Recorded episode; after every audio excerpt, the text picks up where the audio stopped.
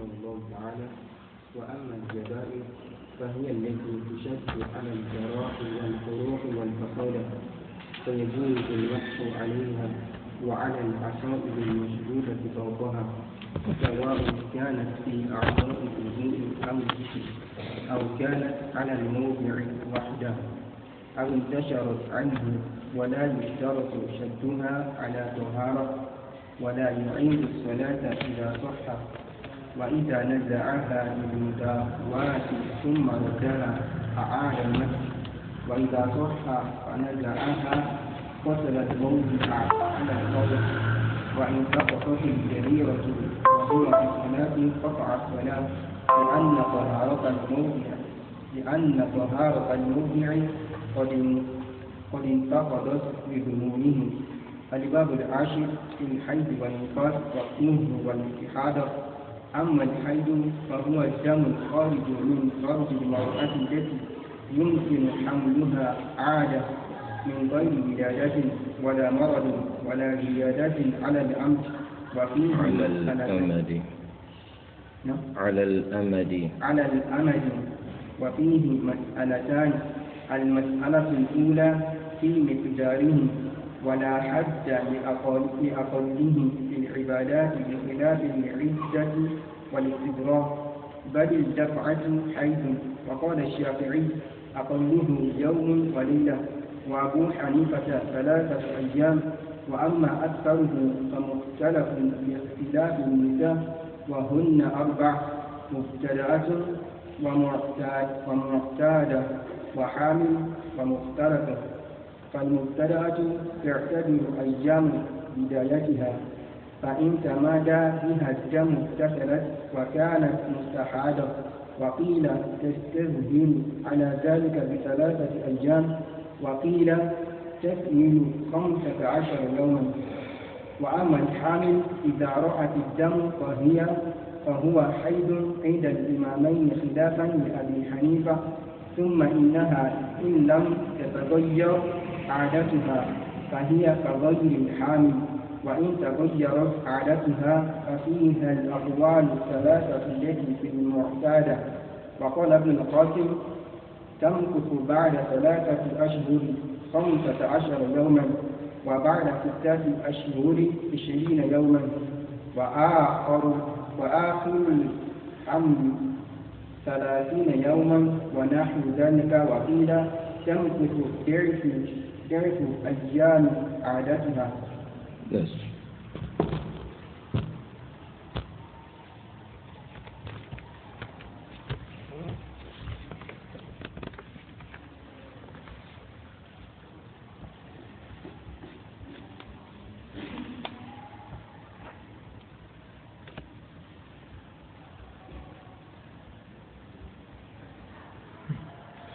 الحمد لله والصلاة والسلام على رسول الله محمد بن عبد الله وعلى آله وصحبه ومن والاه وبعد.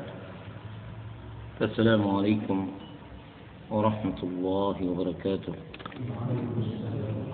يقول المصنف رحمه الله وأما الجبائر فهي التي تشد على الجراح والقروح والفصاد الجبائر فآعد جمع فعيلة جبيرة وقد تقرر في اللغة العربية وغيرها من اللغات أن الجمع لا يعرف. إنما الذي يعرف المفرد. فلأجل هذا إذا أراد الإنسان أن يعرف بكلمة عربية وهي بصيغة الجمع فإنك تعيد بها إلى مفردها ثم تقوم بتعريف المفرد. وبمعرفة المفرد تتم معرفة الجمع.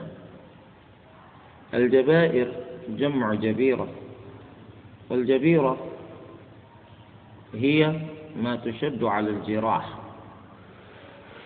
إذا جرح الإنسان فإنه يضع شيئا على ذلك الجرح كعصابة يلفه. على ذلك الجرح. فهذا الذي يجعله الإنسان على جرحه يقال له جبيرة. سواء كان ذلك عصابة أو شريطا لاصقا. فإن الجرح قد يكون خفيفا. ولكن الإنسان يضطر إلى أن يجعل أن يلصق شيئا على ذلك الجرح كشريط طبي لاصق. تلصقه بذلك المكان هذا الذي وضعته على جرحك اسمه جبيرة. يجوز للإنسان أن يمسح على الجبيرة. الجبيرة التي وضعتها على جرحك يجوز لك أن تمسح عليها إذا توضأت. إذا كان ذلك الجرح في عضو مغسول في الوضوء فإنك إذا وضعت إلى مكان إذا وصلت إلى مكان وجود الجبيرة وأنت تتوضأ فإنك تكتفي بمسح ذلك الموضع. ولا تغسل الجبيرة. لا تغسل الجبيرة. وكذلك يجوز لك أن تمسح على العصائب. العصائب هي ما تحيط بها مكان الجرح. هذا الذي تحيط به مكان الجرح من أجل أن يتماسك. هذا يقال له العصائب سواء كان في أعضاء الوضوء أو في أعضاء الغسل. أو كانت على الموضع وحده. أو انتشرت عنه. أي سواء كان كانت تلك الجبيرة في موضع الجرح وحده أو انتشرت عن الموضع اتسعت لتقتسح رقعة أوسع من مكان الجرح. الجرح الذي فيك لا يتجاوز لا يتجاوز لا تتجاوز أو لا يتجاوز اتساعه خمسة مليمترات. ولكن الجبيرة التي وضعت عليها في حدود عشرة مليمترات. فإنك تمسح على الجبيرة. وإن كانت الجبيرة تتجاوز موضع الجرح. ولا يشترط شدها على طهارة. أي بما أنك مسلم. وقد أصابك الجرح وتريد أن تضع الجبيرة على موضع ذلك الجرح فإنه يجوز لك أن تمسح على الجبيرة وإن لم تطهر المكان قبل وضع الجبيرة عليه. بخلاف المسح على الخفين فإنه لا يجوز للإنسان أن يمسح على خفيه حين يجدد وضوءه إلا أن يكون قد أدخل خفيه في رجليه طاهرتين. أما الجبيرة لا. ليس من شرط جواز المسح على الجبيرة أن يكون الموضع طاهرا مطهرا قبل وضع الجبيرة عليه ليس شرطا. إذا وضع الإنسان الجبيرة على مكان جرحه فصلى واستمر على ذلك حتى صح. اندمل جرحه وصح من ذلك الجرح. فنزع الجبيرة من جسمه. وقد صلى بتلك الجبيرة صلوات. هل يعيد تلك الصلوات؟ لا يعيدها لأنها صلوات أتى بها على الصفة التي أمر بالإتيان بها في الشريعة فتبرأ بذلك ذمته ويعتد بصلاته. يعتد بصلاته.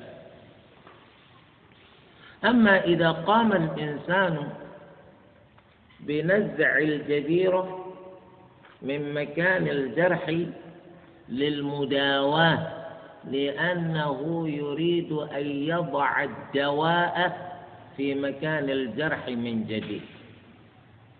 فلأجل هذا قام بنزع الجبيرة ثم ردها وكان قد مسح على الجبيرة قبل نزعها للمداواة وهو لما يصلي بعد. ويريد أن يصلي بوضوئه ذلك. إلا أنه نزع الجبيرة بعد الوضوء للمداواة. والجبيرة المنزوعة قد مسح عليها قبل.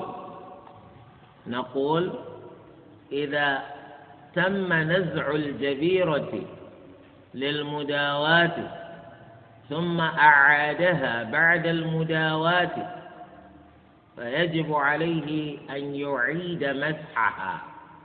يجب عليه أن يعيد مسحها لتتسنى له الصلاة بذلك الوضوء. وإذا صح الإنسان إذا صح الإنسان فاستغنى بذلك عن الجبيرة. وقد كان على وضوء لما علم بصحته واندمال جرحه وعزم على نزع جبيرته. نقول له انزع الجبيرة إن شئت قبل أن تصلي وإن شئت أتركها حتى تقضي صلاتك ثم تنزعها. أما إذا أردت نزعها لتحقق صحتك واندمال جرحك أردت نزعها قبل الصلاة انزعها واغسل الموضع. لأن السبب الذي من أجله انتقلت من الغسل إلى المسح قد زال. فإذا زال السبب المجيز لك بالمسح بدل الغسل فإنك تعود إلى الأصل. فإنك تعود إلى الأصل. على الفور من غير تأخير يغسل ذلك الموضع. وإذا سقطت الجبيرة وهو في الصلاة سقطت الجبيرة.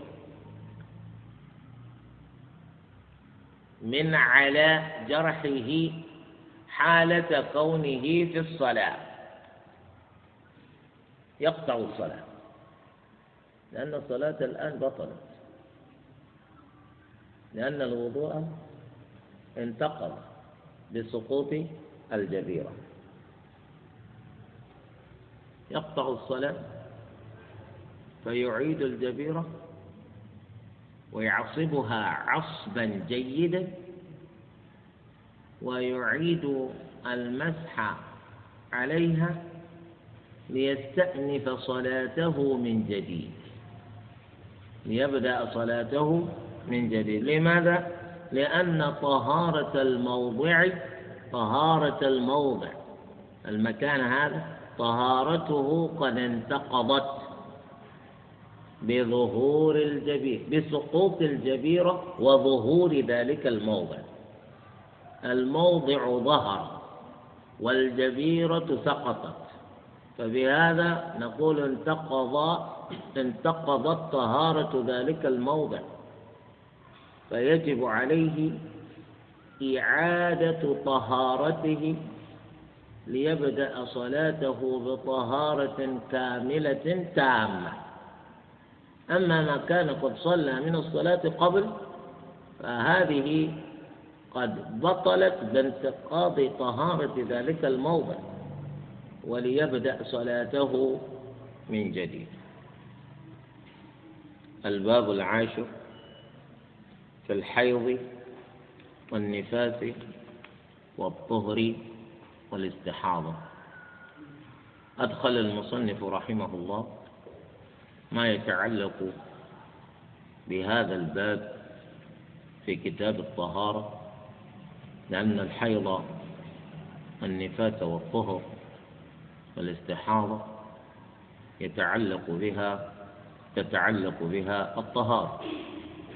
لأن المرأة إذا حاضت فإنها مطالب مطالب فإنها مطالبة بالطهارة بعد انقطاع حيضها كذلك النفساء. ثم المرأة إما أن تكون طاهرة وإما أن تكون حائضا. إما أن تكون طاهرة وإما أن تكون حائضا. ولأجل هذا قال والطهر. كذلك المرأة قد يكون الدم الذي يخرج من فرجها حيضا حيضة أو نفاسا وقد يكون ذلك استحاضة أي دم مرض. فلأجل هذا أدخل هذا الباب في باب في كتاب الطهارة. وهذا من حرص الإسلام وشدة اعتنائه بالطهارة. بما سبق أن علمنا أن الطهارة شرط أساسي من شروط صحة الصلاة. ومن شروط صحة بعض العبادات كالطواف. والمرأة شقيقة الرجل. جدير بالعلماء أن يذكروا ما يتعلق بالمرأة وتختص به دون الرجل من أجل أن تعبد الله عز وجل كشقيقها الرجل على اليقين. ومن هنا أفرد بعض العلماء المرأة بالتصنيف. ألفوا كتبا فقهية لبيان الأحكام الشرعية التي تختص بها المرأة. الأحكام الشرعية الخاصة بالنساء في الفقه الإسلامي. هذا بين مطول ومختصر. من العلماء من طول الكلام في هذا ومنهم من اختصر. الحيض وهو الأمر الأول. وهو الدم الخارج من فرج المرأة. إذن الحيض دم ليس ماء وليس بولا وإنما هو دم. هذا الدم مكان خروجه فرج المرأة يخرج من قبل المرأة. وهذا قيد احترز به عن الدم الذي يمكن أن يخرج من موضع آخر من جسد المرأة. الدم الذي يخرج من لثتها أو من فمها عامة هذا لا يقال له حيض. لا يقال له حيض. وهذا القيد أيضا فيه احتراز عن ما يقال من أن بعض النساء لا يحضن بخروج الدم من فرجهن وإنما يحضن باحمرار أظفارهن. يقول بعض العلماء إن بعض النساء تحيض باحمرار أظفارهن.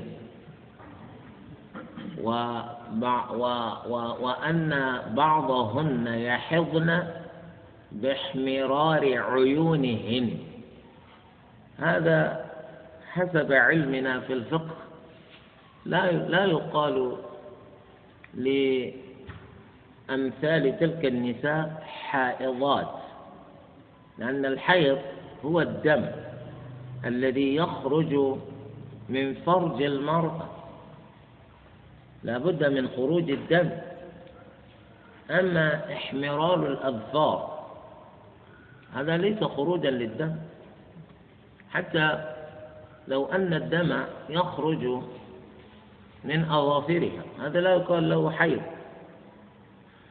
وإن كانت عيونهن تقطر دما لا يقال له حيض. حتى يكون ذلك الدم خارجا من فرج المرأة. ومن فرج المرأة التي يمكن حملها. أي التي يمكن لها الحمل. يمكن لها الحمل. فهذا احتراز عن الدم الذي يخرج من فرج صبية. صبية لا يمكن لمثلها أن تحمل. يعني بنت سنتين بنت أربع سنين بنت خمس سنين الدم أخذ يخرج من فرجها. لا نقول إن هذا الدم حي لأن هذه المرأة لا يمكن لمثلها أن تحمل الدم هذا آه، نصفه بصفة أخرى. إما أن نقول إن ذلك الدم دم فساد. أما أن نقول إنها حاضر. كيف حاضر؟ كذلك في المقابل لو خرج الدم من فرج امرأة مسنة مسنة لا تحيض مثلها. كأن تكون هذه المرأة قد تجاوز مئة سنة. وخرج الدم من فرجها. لا نقول حيضا يا جماعة مثل هذه تحمل عندكم. يعني مثل هذه لا تحمل. طبعا في عالمنا المعاصر في عالمنا المعاصر. أما في أناس قد مضوا من المعمرين الذين قدر الله لهم أن, أن يعمروا طويلا. المرأة قد تحمل وعمرها أربعمائة سنة في الماضي. أما نحن وأعمارنا بين ستين وسبعين ولا يتجاوز ولا يتجاوز ذلك إلا من شاء الله. يعني المرأة الآن تصل إلى مئة سنة ويخرج الدم من فرجها ونقول إنها حاضر. لا تبحث عن كلمة أخرى عربية تستعملها للتعبير عن هذه الحالة. تقول إنها خرج منها دم فساد خرج منها دم فساد. أما هذا لا يقال له حيض. ولذلك هذا الكلام الذي قاله آه، من فرج المرأة التي يمكن حملها التي يمكنها أن تحمل. أما التي لا يمكن لمثلها أن تحمل لصغرها أو لكبرها فالدم الذي يخرج من فرج آه، مثيلات هذه النساء لا يقال لذلك الدم دم حيض. عادة. طبعا التي يمكن أن تحمل عادة. وإلا هناك استثناءات. المرأة قد يكون عمرها يعني سبع سنين فتحمل. هذا نادر. والنادر لا حكم له. النادر لا حكم له. كذلك المرأة قد يكون عمرها سبعين سنة وهي تحمل. هذا نادر. والنادر لا حكم له.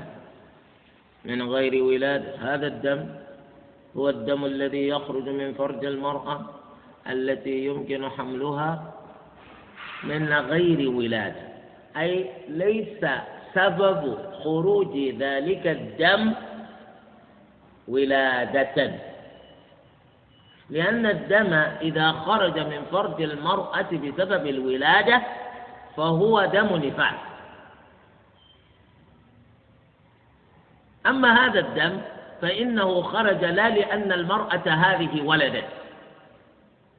إذا ليس للولادة ولا لمرض لأن الدم إذا خرج بسبب مرض فهو استحاضة فهو استحاضة لا يقال له حيض. إذا هذا هو دم حيض. دم دم يخرج من فرج المرأة التي يمكن حملها من غير ولادة ولا مرض. وغالبا ما يخرج ذلك الدم من المرأة البالغة من المرأة البالغة. ولذلك جاء في حديث في حديث عن النبي صلى الله عليه وآله وسلم لا يقبل الله صلاة حائض إلا بخمار. حائض أي بالغة المرأة البالغة التي قد بلغت سن الحيض. لا يقبل الله صلاتها بدون خمار. واتخذ الفقهاء بهذا الحيض علامة من علامات بلوغ المرأة إذن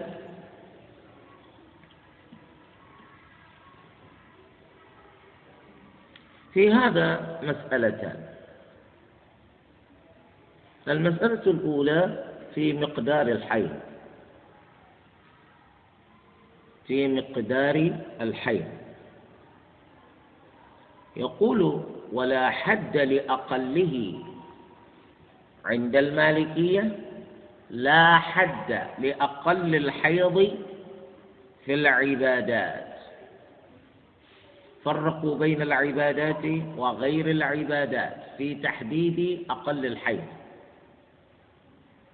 وهذا استحسان استحسان من إمام مالك. فرق بين أقل الحيض في العبادات وأقله في غير العبادات. ويقول لا حد لأقله في العبادات. بمعنى إذا خرج الحيض من فرج المرأة دفعة واحدة فإن ذلك يمنعها من صوم هذا اليوم.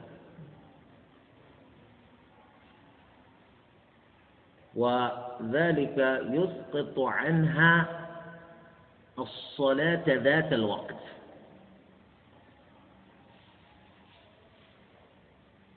بخلاف العدة وبخلاف الاستبراء.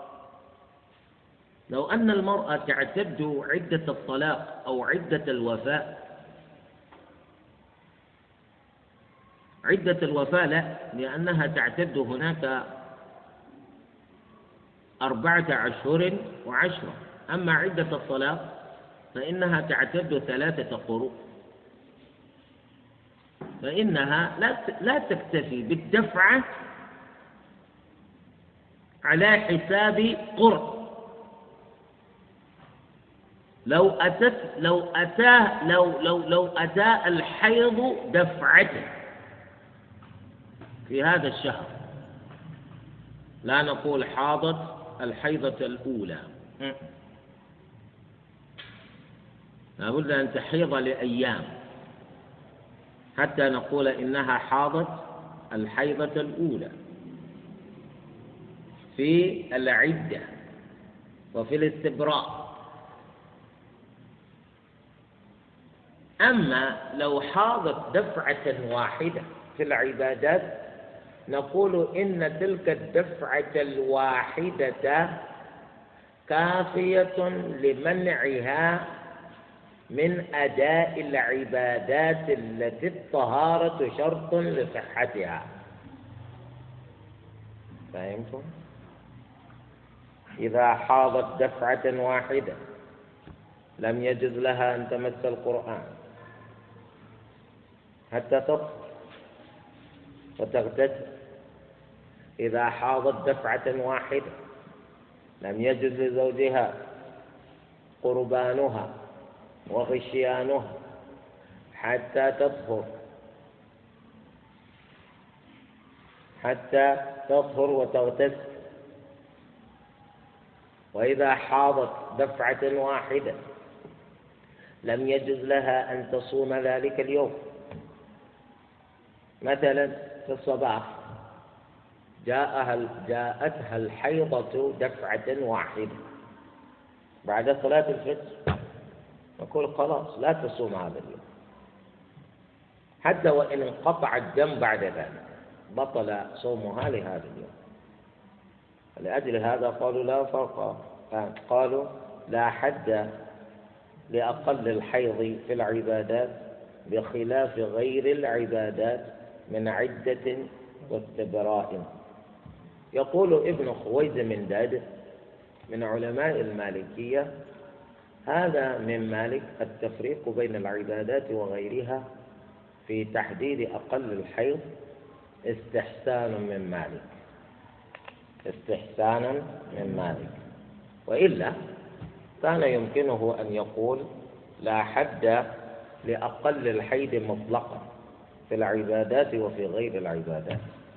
وله أن يقول له للحيض حد لأقل الحيض حد في العبادات وفي غير العبادات كما فعل غيره.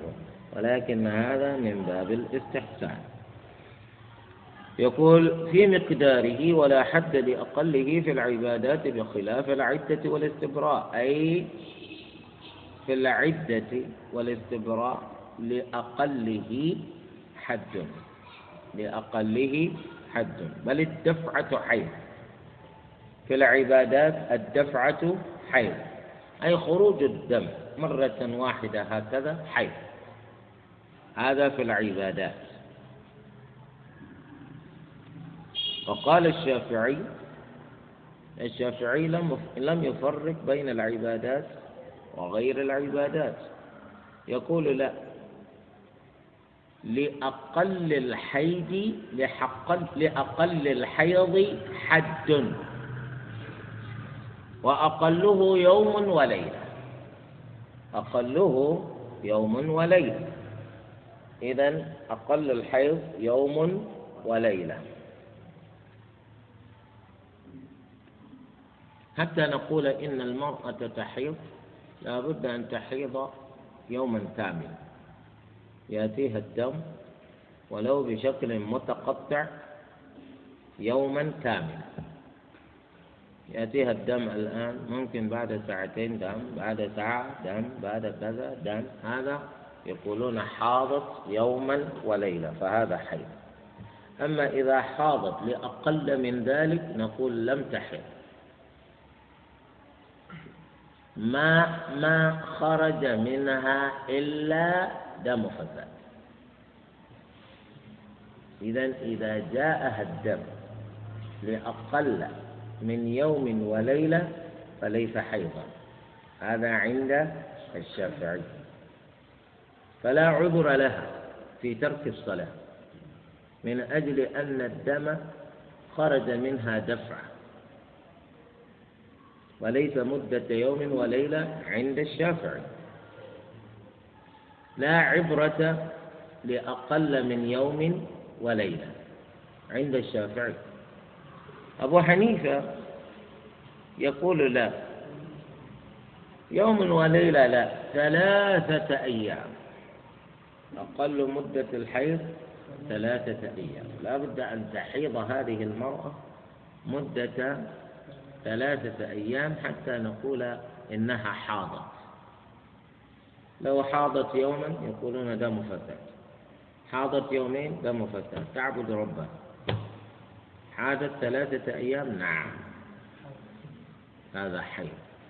إذا لو حاضت يوما كاملا تركت الصلاة والصيام ولم يأتها الدم بعد ذلك يقول الإمام أبو حنيفة إنها تقضي الصلوات والصيام لأنها ليست حائضة. إنما الذي أتاها دم فتاة. وأما أكثره والله أعلم نقول لا حد لأقل الحيض في العبادات دون غير العبادات. هذا أصح. لأن المرأة إذا أتاها الدم وهي مميزة تستطيع أن تفرق بين الحيض وغير الحيض. الدم الذي أتاها دفعة واحدة فهي تعرف في هذا الدم مواصفات الحيض. نقول حاضت تترك الصلاة تترك الصيام. لأنه لا مندوحة من ذلك. حتى لا تصلي وتقف أمام الله وتصوم لله وهي غير طاهرة.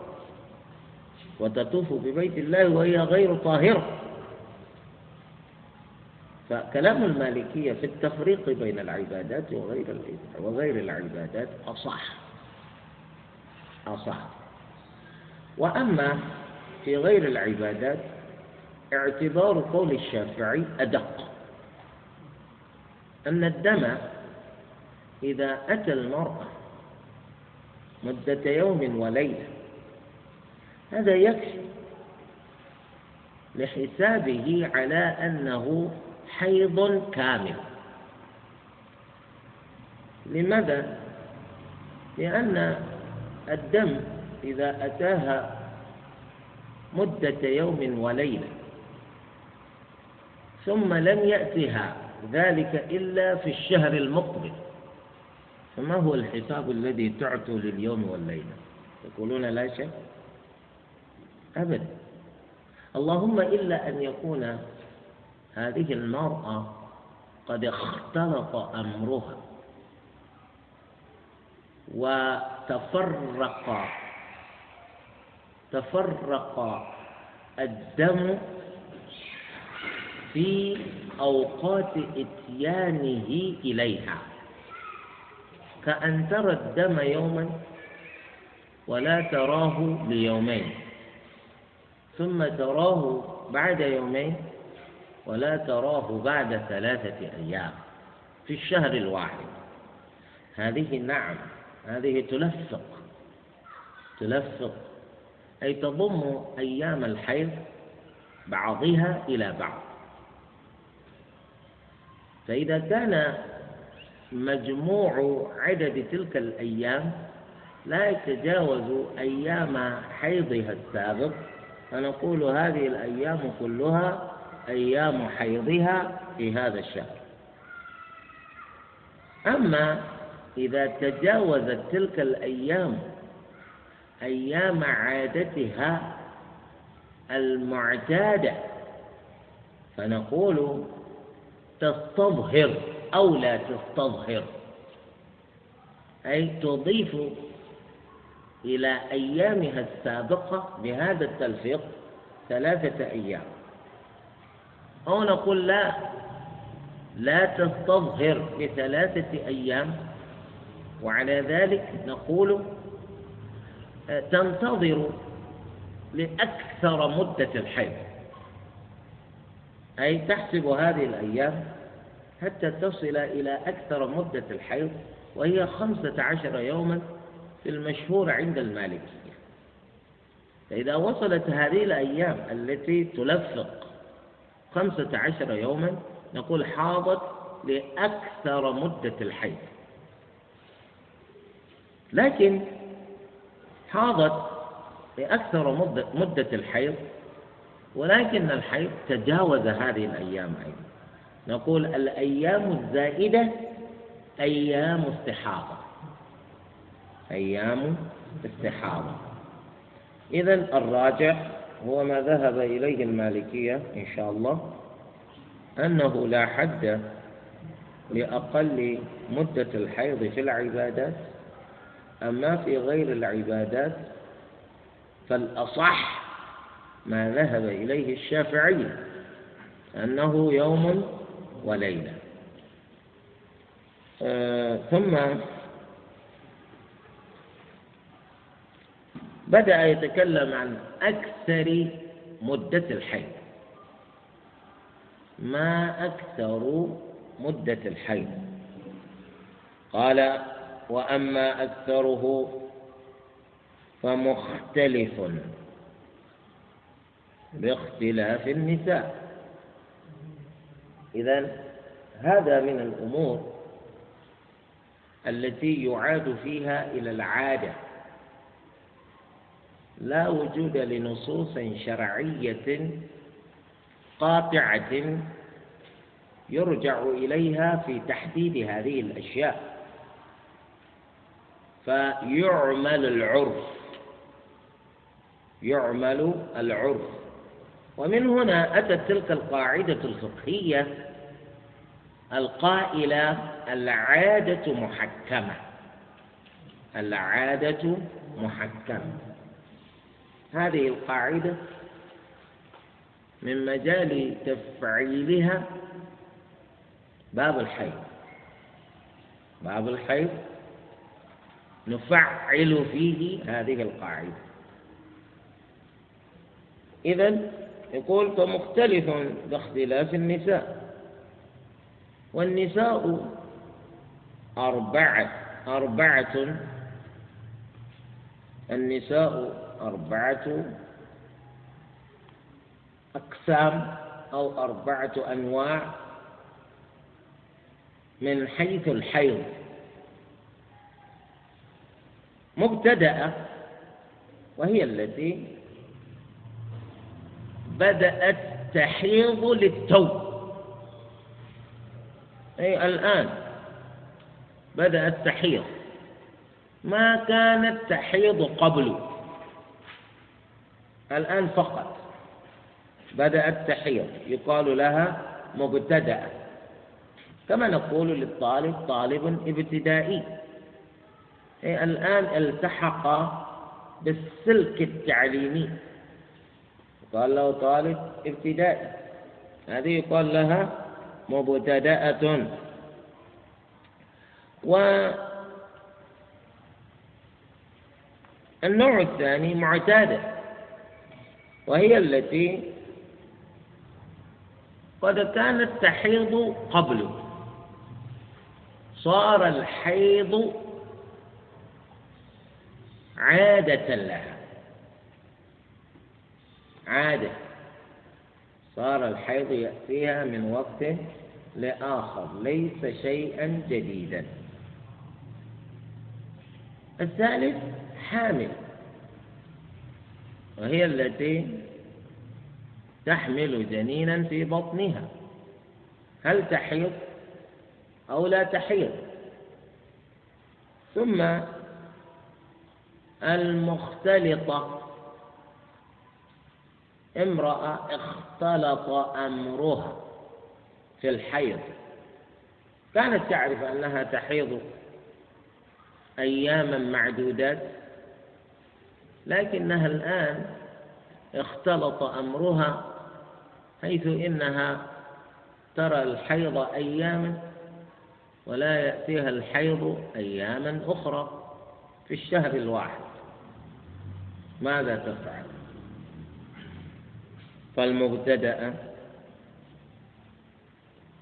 تعتبر أيام لداتها أيام لداتها قريباتها أيام قريباتها أخواتها أخوالها أمهاتها. كم تحيض؟ أمها كم تحيض خالتها كم تحيض أختها أمها تحيض أربعة أيام وأختها خمسة أيام وخالتها أربعة أيام نقول أربعة إذا تتخذ لها عادة من أيام لذاتها فتقول عادتها أربعة أيام. فتنظر إذا توقف إذا توقف الدم في هذه المدة فالحمد لله لم يتوقف الدم تمادى بها الدم تمادى بها الدم. بدلا من أن يقف الدم بعد حيضها في اليوم الرابع الدم استمر. استمر الدم بها. تغتس. وكانت مستحاضة. هذه تحيض لأول مرة. نقول تحيض مدة ما تحيض فيها أمها. مدة ما تحيض فيها أختها. خالتها. عماتها. تأخذ من عادتهم عادة لها.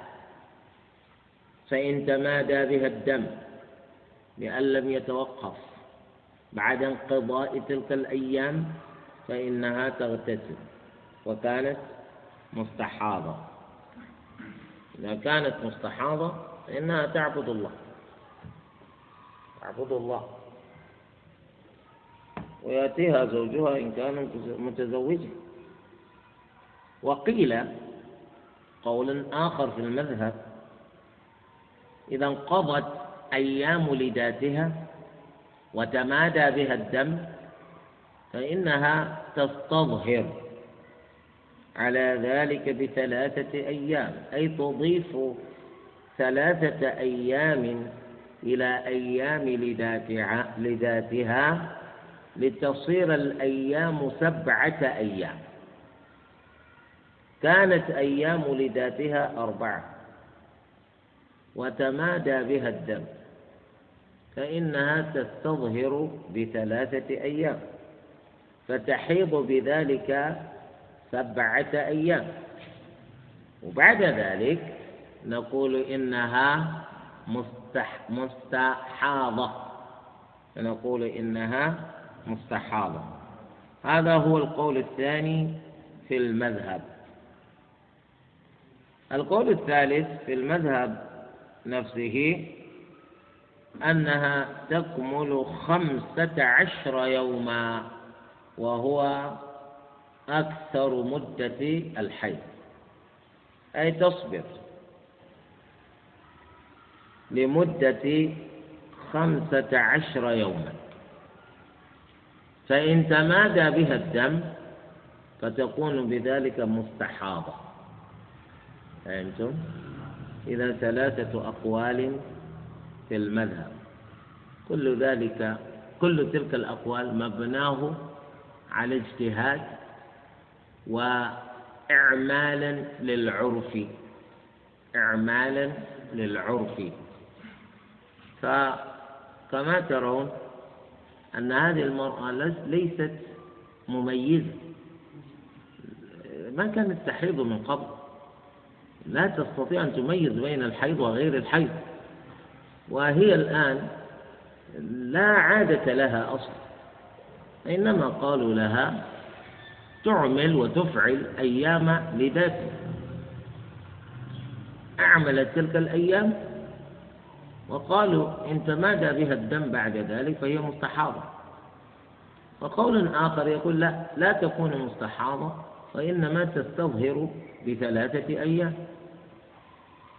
فتنقلب الأربعة إلى سبعة. بعد ذلك تكون مستحاضة. القول الثالث يقول تنتظر لأكثر مدة الحيض. هذا القول الثالث هو الأصح. هذا القول الثالث هو الأصح. لأن المرأة هذه لا عادة لها أصلا وهي ليست مميزة. لا تستطيع أن تميز بين دم الحيض ودم فساد. لا تستطيع أن تميز بينهما. فلذلك آه، نمهلها ونمدد لها المدة نمدد لها المدة ننظر ماذا يكون. لكم يوم تحيض. لأنها تحيض لأول مرة. وأيضا ما هي العادة التي علمت علمتنا أن عادة البنت لا يمكن أن تختلف عن عادة أمها. لا يمكن أن تختلف عن عادة أختها ولا عن عادة خالتها ولا عن عادة عمتها. ما هي تلك العرف؟ ما هي تلك العادة؟ ما هو ذلك العرف؟ الله عز وجل له في خلقه شأن. قد يجري الله عز وجل شيئا على زيد ولا يجريه على عمرو وإن كان زيد وعمر أخوين. وإن كان بينهما علاقة أبوة وبنوة. الله يفعل ما يشاء. ولذلك نطلق لهذه المبتدأة العناد لتحيض ننظر متى يتوقف حيضها. ولا يمكن أن يمتد حيضها إلى أن يرجع إلينا عيسى عليه السلام. لماذا؟ لأننا وضعنا لها حدا أقول بشرط أن لا يتجاوز ذلك الحيض أكثر مدة, الحيض. أما إذا تجاوز أكثر مدة الحيض فالكلام يختلف. إذا هذا الكلام الذي قالوه القول الثالث هذا هو الأصح. هو الأصح بالنسبة للمبتدئة. والمبتدئة لا تبقى مبتدئة أبدا إنما تكون مبتدئة في الشهر الأول مبتدئة في الشهر الثاني مبتدئة في الشهر الثالث بعد الثالث ليست مبتدئة لأن أمرها يكون قد اتضح وعادتها آه، عادتها يكون تكون قد تبينت. فلا حاجة لنا إلى أن نقول آه، تستظهر لا تستظهر يعني كم مدة. لا نحتاج إلى كل هذا بعد الشهر الثالث إن شاء الله. آه، كان الجدير بالمؤلف أن يبين هنا ما يتعلق بالمعتادة لأنه قال وهن أربعة مبتدأة ومعتادة. وهو لم يبين المعتاد انتقل بعد ذلك إلى الحامل. وهذا خلل في التأليف لأنك أنت الذي رتبت لنا الأفكار. ولما جئت توضح تلك الأفكار خللت بترتيبك. وهذا خدش في التأليف. الإنسان عندما يكتب كتابا فإنه يلتزم المنهج الذي المنهج والخطة التي رسمها لنفسه. أنت قلت هن أربعة مبتدأة ومعتادة والحامل. وما ندري لعله سهو من المؤلف لأنه ما بين ما يتعلق بالمعتادة إلى نهاية الكلام ما بين ما بين ولعله سقط. سقط من النصاخ الذين استخرجوا هذا الكتاب وطبعوه الطبعة الحديثة. ربما كتب بخط اليد ولكنهم فاتهم ذلك الجزء. نحن ما رأيناه. اللهم إلا أن يكون ذلك موجودا في في بعض النسخ المطبوعة. أما في هذه النسخ التي بين أيدينا باختلاف طباعاتها لا وجود للكلام الذي يتعلق بالمعتادة. الحامل يقال للمرأة حائض ويقال لها حامل ويقال لها مرضع وبدون التاء.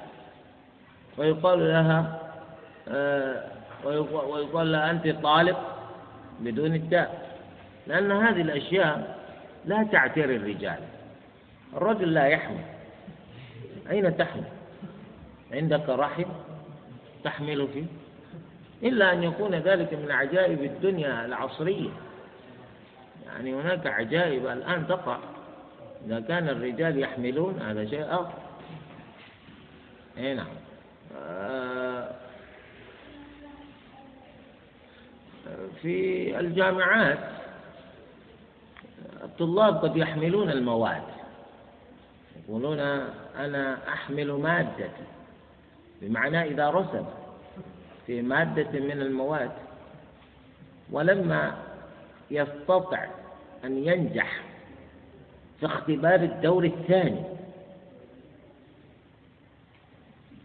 وألزم بإعادة تلك السنة بسبب هذا الرسوب لنفرض أنه في المستوى الرابع يفترض أن يتخرج في الجامعة ولكنه رسب في مادة من المواد ولم يستطع أن ينجح في اختبار الدور الثاني. فيقولون يحمل تلك المادة. ليس يحمل المادة في بطنه كما تحمل المرأة الجنين في رحمها. هذا تجوز لغوي. إن شاء الله لا عيب فيه. وإن كان بعض الطلاب قد يسيئون استعمال تلك الكلمة فيقول إنه في سنة حمل.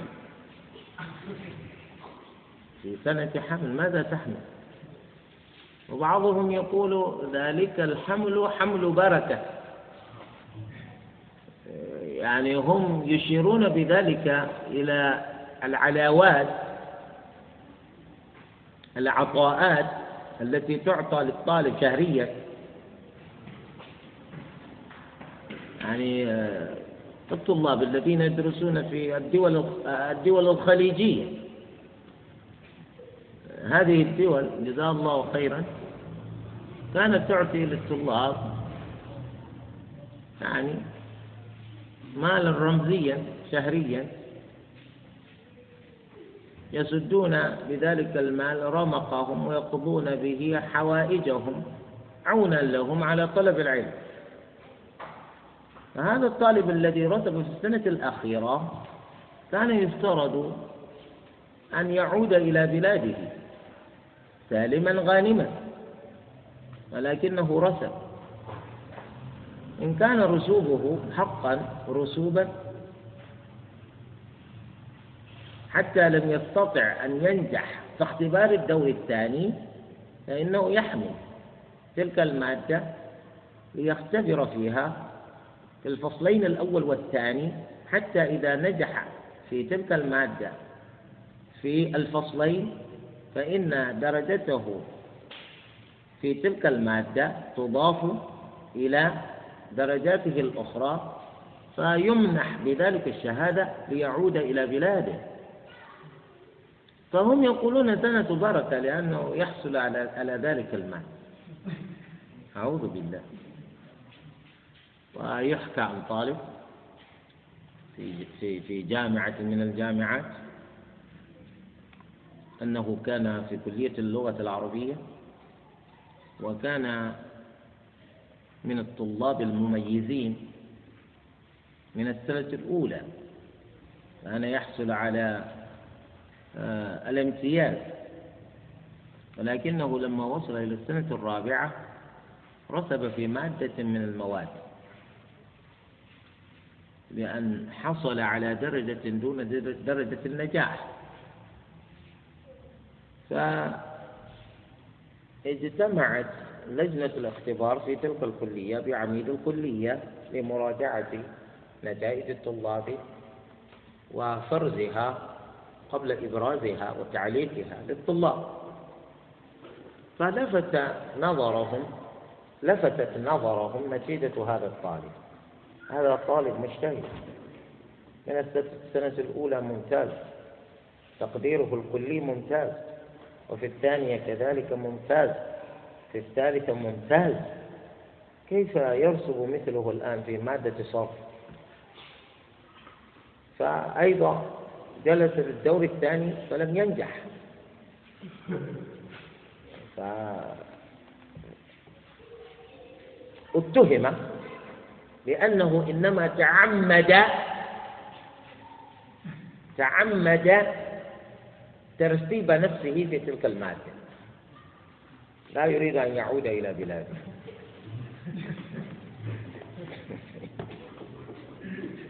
لماذا لماذا تخاف من الرجوع إلى بيت أبيك؟ أنت ولد حلال لست ولد الزنا. فقالوا خلاص الطالب الذي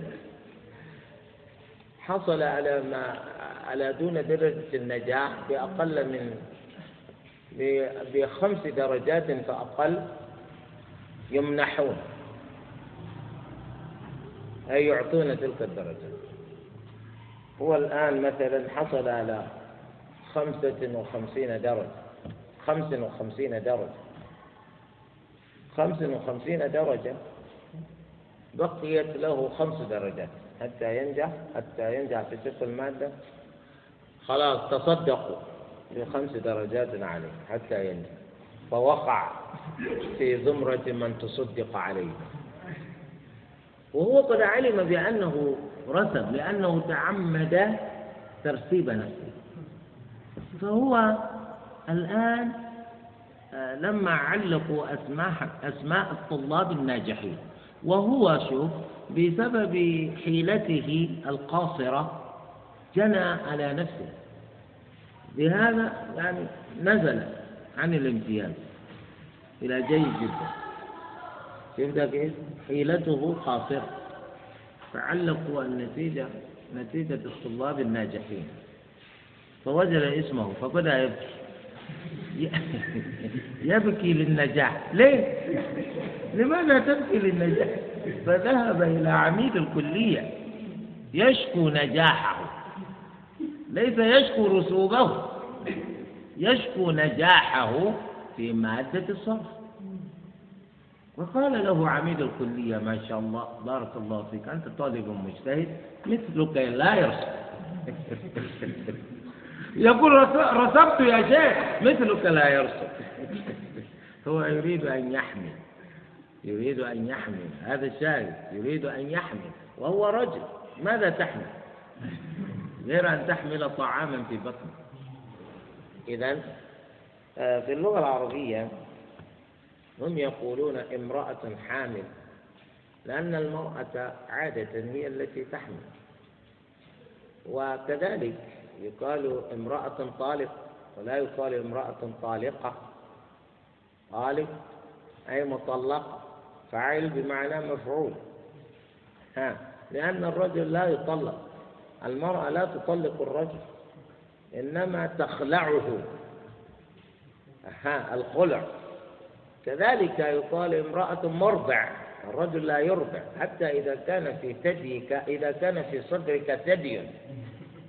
أنت ماذا ترضع؟ لا ترضع شيء لا يخرج منه لبن. فهمتم؟ وهكذا. يعني المرأة اختصت بهذه الأشياء. ويقال امرأة حائض. ولا يقول لك أحد حائضة. حائض. فهمت؟ وإن كانوا يقولون في اللغة العربية لك أن تقول حائضة إذا كنت تعبر عن الحال. الآن هي حائضة. فهمتم؟ فتقول حائض للاستمرار فلذلك يقول والحامل أي المرأة إذا رأت الدم فلا تقول إذا رأى الدم إذا رأت الدم لأننا اتفقنا أن المرأة هي وحدها التي يقال لها حامل إذا رأت الدم هل هل تحيض الحامل أو لا تحيض؟ عند المالكية ومن وافقهم من الشافعية هم يقولون إن الحامل تحيض. غيرهما من الفقهاء يقولون الحامل لا تحيض. هذا ثبت بالعادة وبالطب. العادة أن الحائض أن الحامل لا تحيض. وثبت طبيا أن المرأة الحامل لا تحيض. هكذا يقول الأطباء. يقولون لا لا يمكن لا يمكن. هذه حامل لا تحيض المالكية يقولون لا. الحامل يمكن أن تحيض لأن الكلام هذا مبناه على التجربة. مبناه على التجربة ليس مبناه على الفراغ. نحن رأينا حوامل تحضن حوامل يحضن لهذا تبين لنا أن الحوامل يحضن وهذا لا يمكن دفعه لأن الوقوع لا يمكن دفعه. الشيء الذي وقع لا يمكن أن تدفعه. هذا كلام المالكية. الأطباء يقولون إذا حاضت الحامل فإن الحمل يفسد. فإن الحمل يفسد. أرأيت إذا ادعت الحامل بأنها تحيض والحمل باق وولدت ولدا سليما. ماذا تقول؟ يا طبيب. إذا نقول نعم يمكن. يمكن أن يقع. فكلام المالكية هنا أدق وأصح. أدق وأصح. لأنهم بنوا كلامهم على التجربة. الأطباء هؤلاء هم يبنون كلامهم على التجربة أيضا وعلى ما قرره له لهم علماؤهم علماؤهم في الطب قرروا لهم أشياء لا يحيدون عنها. كأنها قرآن منزل. والفقهاء هؤلاء يبنون كلامهم على التجارب السابقة. وأيضا هم لا يحيدون عن التجارب السابقة لأنهم يقولون يتكلمون عن إيجاد حلول لمشاكل. كيف نوجد حلولا لمشاكل؟ لأن الرجل الآن قد يتهم زوجته بأنه بأنها تريد أن تدخل عليه ولدا دخيلا. الولد هذا ليس ولده وليس ولده لأنها ادعت بأنها حاضت وقت حملها والحمل لا يثبت مع الحيض. إذا ليست قد حملت منه وإنما حملت من رجل آخر بعد بعد حيضها. فهمتم؟ ها والمرأة تقول أنا لا أزن الحمل هو الحمل والحيض هو الحيض.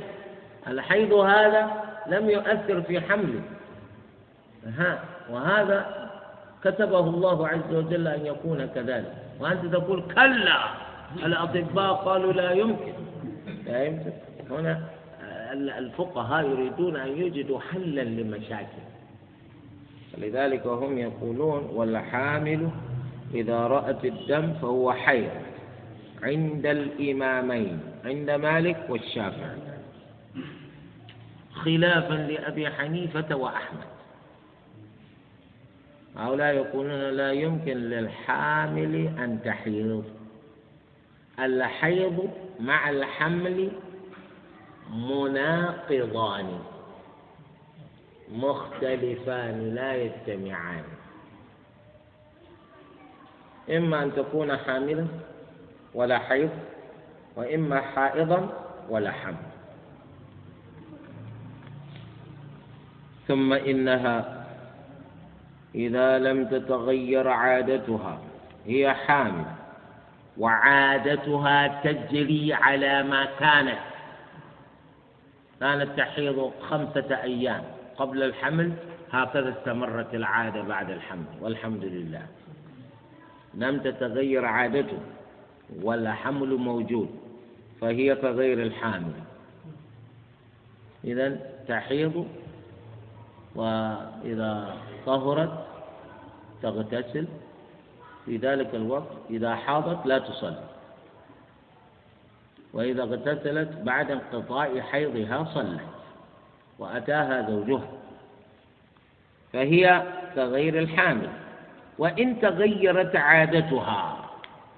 كانت تحيض خمسة أيام. الآن صارت تحيض ثلاثة أيام. ففيها الأقوال الثلاثة التي في المعتادة. ما رأيناها؟ فهمتم؟ ولذلك قلنا لعله ذكر تلك الأقوال إلا أن النساخ هم الذين أسقطوا ذلك الكلام. لأنه من المفترض أن يكون الكلام عن المعتادة سابقا للكلام عن الحامل. ولكننا ما رأينا وما هي تلك الأقوال الثلاثة؟ ما ندري. ما ندري يا شيخ. قال ابن القاسم هذا من كبار تلامذة الإمام مالك تمكث بعد ثلاثة أشهر أي إذا أتاها الحيض بعد ثلاثة أشهر من حملها خمسة عشر يوما. أي تحيض مدة خمسة عشر يوما. أي إذا تمادى بها الدم. ثم إذا لم ينقطع الدم تكون مستحاضة. وقد ينقطع الدم قبل خمسة عشر يوما فتكون قد طهرت. إذا حيض يأتيها بعد ثلاثة أشهر. نعم. وبعد ستة أشهر يأتيها الحيض. حيض آخر تمكث عشرين يوما. أي إذا تمادى بها الدم.